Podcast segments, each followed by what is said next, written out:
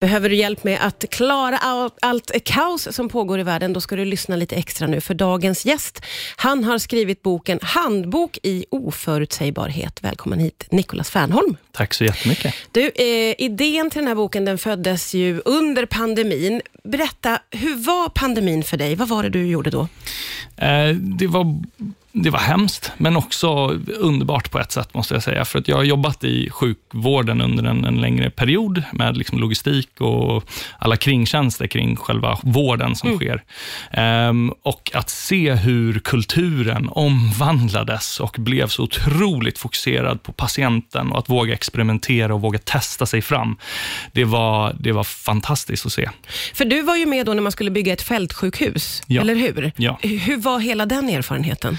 Ehm, eh, jag kom ju in när de hade eh, jobbat med det i drygt fyra, fem dagar. Så jag kom in och det var tusen personer som sprang runt på fältsjukhuset och bara byggde och planerade. Ja. Så det var jäkligt häftigt och att komma in i det handlade ju också om att våga bara acceptera att vi vet inte vad svaret är. Vi vet inte hur, vilken lösning som kommer funka, utan vi måste våga experimentera oss fram och testa nya lösningar och våga misslyckas tillsammans.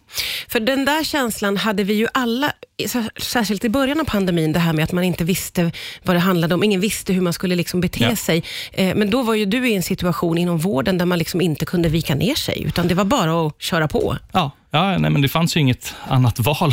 Nej, nej. men, men man märkte ju också det att det fanns ju egentligen två olika saker som hände hos personer. Och Det tror jag nog man kan koppla till liksom vad som de flesta står inför idag. Eh, och Det är att antingen så sökte man sig till trygghet i det man känner igen, sin vardag, sina rutiner, sina instruktioner. Man lite grann söker sig till trygghet i det vi gjorde igår. Mm. Eller så accepterar vi att det är oförutsägbart. Vi accepterar att det är risk och i det så måste vi då börja experimentera oss fram för att vi vet inte vad lösningen är. Mm. Eh, du skriver ju i eh, boken att eh, under den här tiden så var den största insikten att ingen fokuserade på individen, alla på det gemensamma syftet i sjukhuset. Mm. Hur, hur minns du det? Jag, jag, märkte det främst ifrån eh, min egna, mitt egna fysiska välmående, för att det gick ju så långt att man faktiskt i slutändan slutade prioritera sig själv, för att man brydde sig så otroligt mycket om att det här måste bli bra för liksom, eh, patienterna i slutändan. Mm. Och Där tror jag nog att det kräver också lite självinsikt, att så här, vart går mina bristningsgränser? Men att jag var villig att ge så mycket att jag var på väg att liksom gå in i väggen, det var verkligen en insikt hos mig, att så här, wow, vad vi har en kultur här som värnar om vårt gemensamma mål. Ja, ja. det måste ju ändå vara en ganska häftig insikt att få. Ja, jo men det var det absolut. Um. Vi ska prata lite grann om eh, kontroll, tänker jag. Vi mm. pratar vidare om det strax här på Rix FM. Rix FM.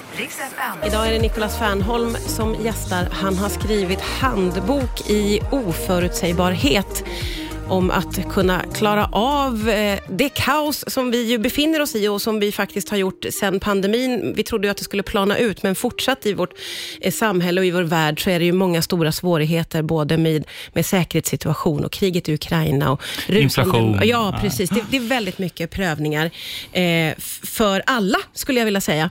Eh, och du är ju då lite specialiserad på det här med att hur hanterar man en situation där man faktiskt inte har svaret. Mm. Eh, vi pratade om det under låten här och när du sa det så kände jag att jag nästan viker ner mig direkt och tänker, det vill jag inte, det vill jag inte vara med om. Men mm. du menar att det är vi med om på daglig basis? Ja, absolut. Um, så det exemplet som, som man brukar ta är ju att ha ett barnkalas, men jag tror nog att de flesta liksom, uh, kanske har haft. Och I det så är det ju inte det att vi gör grandiosa planer, och rutiner och instruktioner för hur vi ska göra när barnen kommer och så här, försöker kontrollera situationen, utan vi har några lösa planer. Och sen så när barnen kommer så känner vi av rummet. Mm. Vi är närvarande. Vi gör experiment och ser, de här barnen kanske har lite låg energi. Vi testar att måla och ser vad det får för konsekvenser. Och Sen så baserat på den feedbacken vi får, då avbryter vi experimentet eller så fortsätter vi med experimentet och det blir jättebra. Den här typen av egenskap är det som vi måste verkligen lära oss i dagsläget, när vi står inför så mycket oförutsägbara situationer. Men hur skulle man kunna implementera det där på sin egen vardag idag? Låt oss säga att man står inför att man kan inte betala sin elräkning och man känner paniken. Mm. Alltså i, allt, i det vardagliga, kan jag försöka använda mig av det där? Precis, jag skulle nog säga, och det här är min personliga erfarenhet kring egentligen att hantera det här, är ju att det värsta vi kan göra är att gömma oss från det. Att inte acceptera att förändring håller faktiskt på att ske, att vi bara gömmer oss i att vi fortsätter göra så som jag gjorde igår. Och Det leder till då tyvärr att man kanske tar några dagslån och såna här saker, så jag kan bara fortsätta så som jag gjorde tidigare om mm. man ignorerar det.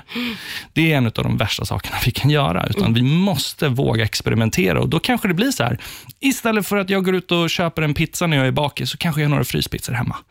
Jag kanske måste börja veda, eh, elda med ved hemma eh, för att minska mina elpriser. Jag måste börja experimentera experimentera med de här lösningarna för att egentligen spara pengar i det här fallet, ja. för att se vad som funkar för mig i min situation. Ja. Inte att vi tror att det här kommer att lösa sig om jag lyssnar på den här experten som egentligen försöker att förutspå vädret om fyra månader. Det är det man oftast liknar sådana här långsiktiga prognoser till. Och, in, och försöka undvika då att fastna i sina gamla hjulspår, låter det på dig som. Att ja. man ska inte, som du säger, inte göra som jag gjorde igår. Och Det är väldigt lätt att, försöka, eller att falla dit och tänka, det här funkar ju ändå igår.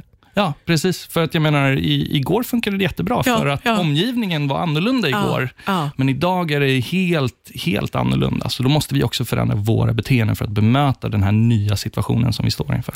Det här låter ju superbra och enkelt, men vi vet ju att eh, i, i verkligheten så kan det vara väldigt svårt att ändra sina beteenden. Ska vi prata vidare lite om det strax? Här?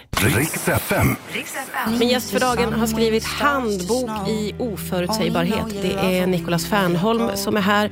Och, eh, du pratar ju väldigt mycket om att eh, man kanske inte ska fastna i gamla hjulspår. Man ska våga experimentera, man ska våga tänka nytt. Eh, även i sina vardagliga situationer då, där man kanske tampas med elpriser och höga matpriser och, ja. och svårigheter.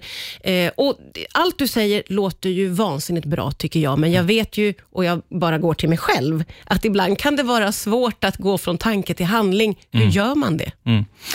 Eh, och det, det, här, här går det också till så hur vi oftast hanterar kriser som individer. Jag tror nog de flesta kommer ihåg eh, eh toa papperköps-skandalen liksom, som skedde ja. i början av pandemin. Oj, vad vi köpte. Ja, men gud vad man... Liksom, och när vi agerar utifrån rädsla så agerar vi ganska irrationellt. Mm. Eh, och jag brukar prata om att agera med rädsla och inte utifrån rädsla. Vad menar du med eh, det? Om vi agerar utifrån rädsla så låter vi rädslan kontrollera oss. Och Då söker vi oss till trygghet direkt. Och Det hittar vi i våra gamla rutiner. Och att inte förändra någonting, att försöka hålla en statisk omgivning. För mm. när det inte förändras i min omgivning, då är det säkert, då är det tryggt. Då kan jag liksom andas ut. Mm. Eh, men om vi, om vi gör det så vi, skapar vi en illusion för oss själva. För att världen är inte statisk, världen förändras och vi har bara skapat en illusion om att den är det. Och Det här måste vi finansiera på något sätt, om vi använder samma exempel, genom att liksom ta lån för att hålla uppe den här illusionen. Eh, istället så tycker jag att man borde agera med rädsla. Och Det är att vi känner att här, vi måste våga vara modiga. Vi måste våga vara modiga när vi står inför risk. Och Det är att vi vågar testa nya lösningar och testa oss framåt och mm. våga misslyckas framåt. Och Det är så här som barn agerar. Mm. De gör ju det hela tiden. De bygger klosstorn och det går sönder och det smäller och det blir dåligt. Och vad gör de? Liksom? De skrattar och så lär sig och sen så bygger de vidare. Ja, så våga misslyckas är våga en misslyckas. viktig del i det här. Du ställer ju frågan i boken, när ska man använda kontroll och när ska man inte göra det? Vad är svaret på det? Um, kontroll funkar ju jättebra när vi har eh, en omgivning som inte förändras särskilt snabbt. Eh, jag brukar likna det till eh, en karta. En karta som representerar en miljö. Om miljön inte förändras, då är det jättebra att ha en karta med rutiner, och instruktioner, och mm. processer och alltihopa. Men om miljön förändras och min karta inte gör det, och miljön förändras snabbare än vad jag kan uppdatera min karta, då om jag följer min karta så kan den leda mig ut för ett stup, mm, mm. vilket är livsfarligt. Så här måste vi liksom eh, avgöra, är vår miljö så föränderlig att vi inte kan förlita oss på kontroll? Vi måste förlita oss på experimentation. Eller är vår miljö tillräckligt föränderlig för att, eller tillräckligt statisk för att vi faktiskt kan ha kontroll och rutiner och instruktioner, vilket är jättebra ibland. Mm. Hur förändrades du av coronapandemin? Um, jag skrev den här boken. Och hur känns det nu när du har skrivit den? Nej, men det är en liten bebis nu. Liksom. Nej, men, eh, jag jag eh, har nog förändrat ganska ganska mycket, skulle jag nog säga, i mitt, mitt perspektiv på världen och varför människor beter sig som de gör. Och jag, har blivit, jag hoppas i alla fall att jag har blivit lite lugnare som person när jag står inför oförutsägbarhet och accepterar att så här, nej, men nu måste vi börja experimentera. Och jag blir, inte nog, jag blir nog inte lika rädd. Och jag var i Polen och hjälpte ukrainska flyktingar också och i det läget så var det bara, jag kunde ta det här djupa andetaget och bara, vi måste bara experimentera oss fram för att hjälpa de här människorna, för det är det bästa för dem. Och vi lyckades enormt bra med det. Boken heter alltså Handbok i oförutsägbarhet. Tack så mycket Nicolas Fernholm för att du kom hit. Tack så jättemycket Martina.